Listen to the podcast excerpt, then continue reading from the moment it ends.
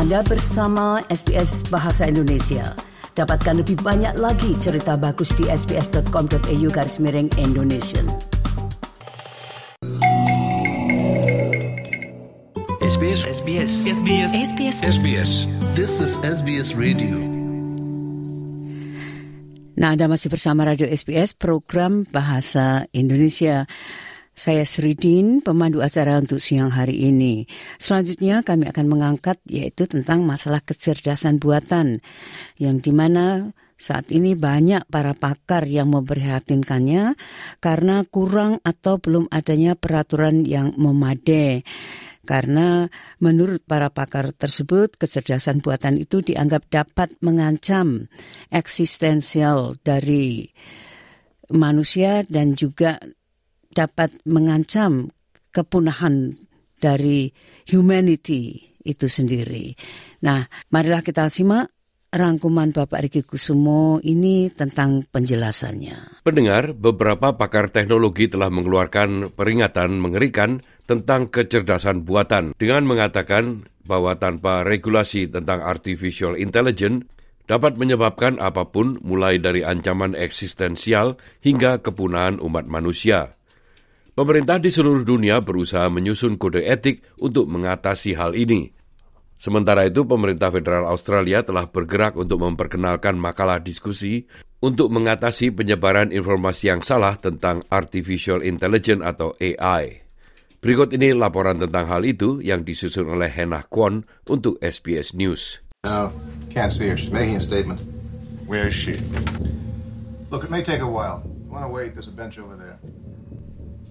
Ada banyak sekali film yang menceritakan kisah kecerdasan buatan atau AI yang menjadi buruk, mulai dari Terminator hingga Tron serta Blade Runner.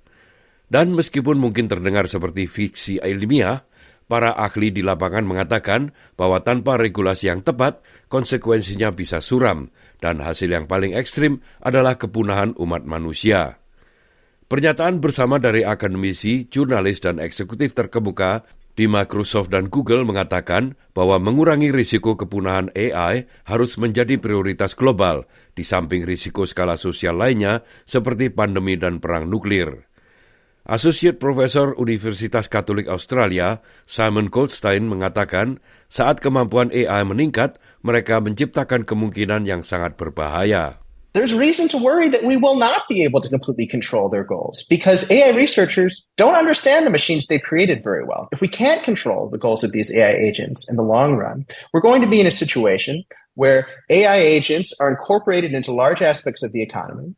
They have goals different than us, and they're more intelligent than us. That is an extremely dangerous possibility. Goldstein mengatakan setidaknya 50% peneliti pembelajaran mesin di lapangan saat ini menetapkan probabilitas setidaknya 10% untuk produk AI yang pada akhirnya mengarah pada kehancuran umat manusia. Yes, there are some scientists who work at Facebook who are paid a lot of money to deny things like that because that's a very scary uh, thing to think about. Profesor Goldstein mengatakan salah satu tempat utama untuk fokus adalah memikirkan tentang kemampuan baru produk AI yang berbahaya ini. When ChatGPT was released earlier this year, its capabilities were measured, and one of the most disturbing abilities it had involved CAPTCHA tests. That's like when you uh, want to use a website and you have to prove you're a human. You have to click little boxes to say which ones are trees or not. These researchers gave GPT the ability to go on the internet and recruit a human to help it.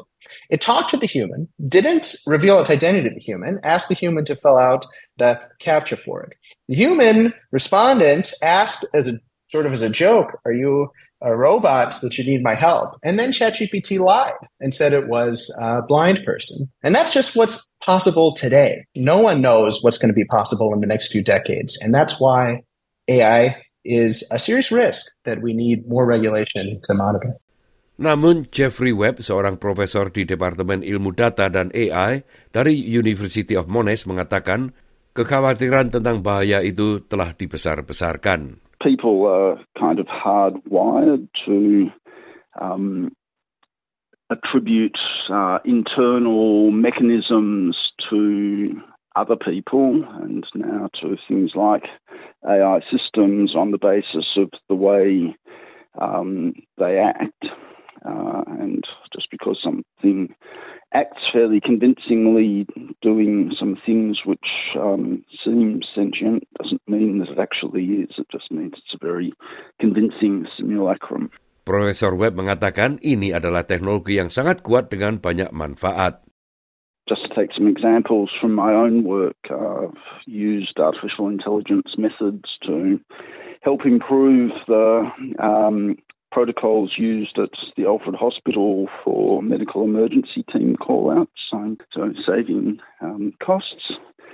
Uh, working on uh, applying them to help design drugs to better treat epilepsy. Namun ia juga mengatakan terlepas dari manfaatnya, orang perlu berhati-hati saat menggunakan teknologi semacam ini. Maybe the, the ones we should be most concerned about are the ones that we can't even think of because they're so clever and cunning that uh, they'll just blindside us.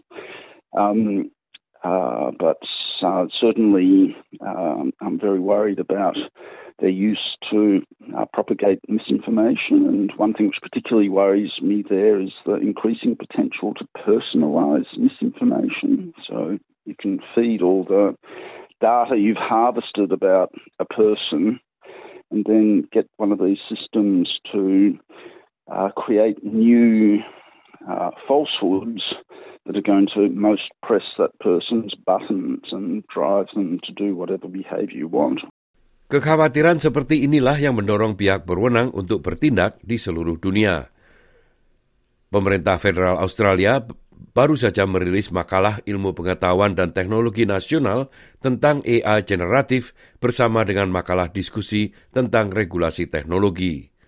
Menteri Perindustrian dan Sains Ed Hussek mengatakan Australia harus mengikuti perkembangan zaman. Australia already has strong laws and guardrails in place, but What we're asking in this discussion paper is are they enough? And we want the experts and community to uh, be able to step forward with their views and to provide contributions uh, on that over an eight week process where we'll be accepting submissions. And after that point in time, we'll obviously take those on board. Husik mengatakan AI dapat menyumbangkan triliunan dolar dalam produktivitas ekonomi dan telah membuktikan manfaatnya di bidang kesehatan dalam pembuatan vaksin COVID-19. Namun ia mengatakan pemerintah juga memperhatikan risiko teknologi kecerdasan buatan ini. This has been something that the Albanese government has been watching, obviously taking note of community uh, concerns, uh, but also seeing what's happening internationally and ensuring that we have a legal framework that's fit for purpose. Uh, ultimately, what we want are modern laws for modern technology, and that's what we have been working on. Amerika Serikat dan Eropa juga mengambil tindakan. Mereka menyusun kode etik sukarela untuk kecerdasan buatan.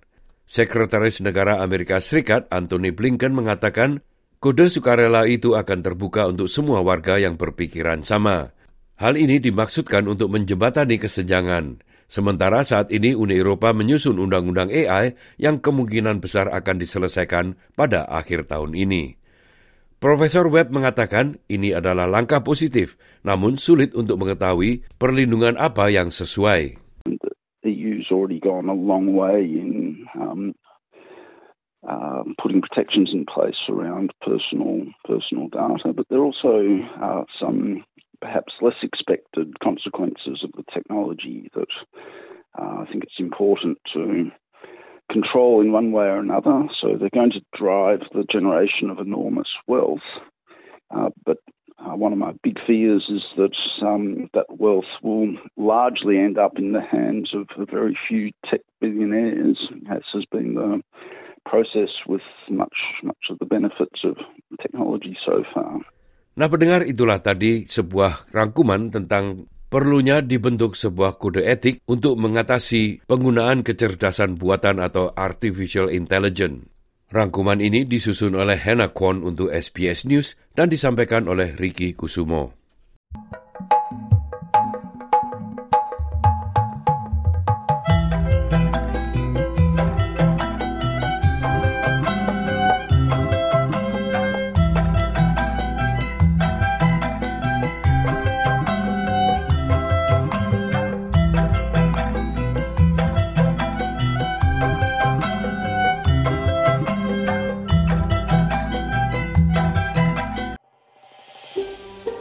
Anda ingin mendengar cerita-cerita seperti ini? Dengarkan di Apple Podcast, Google Podcast, Spotify, atau di mana pun Anda mendapatkan podcast Anda.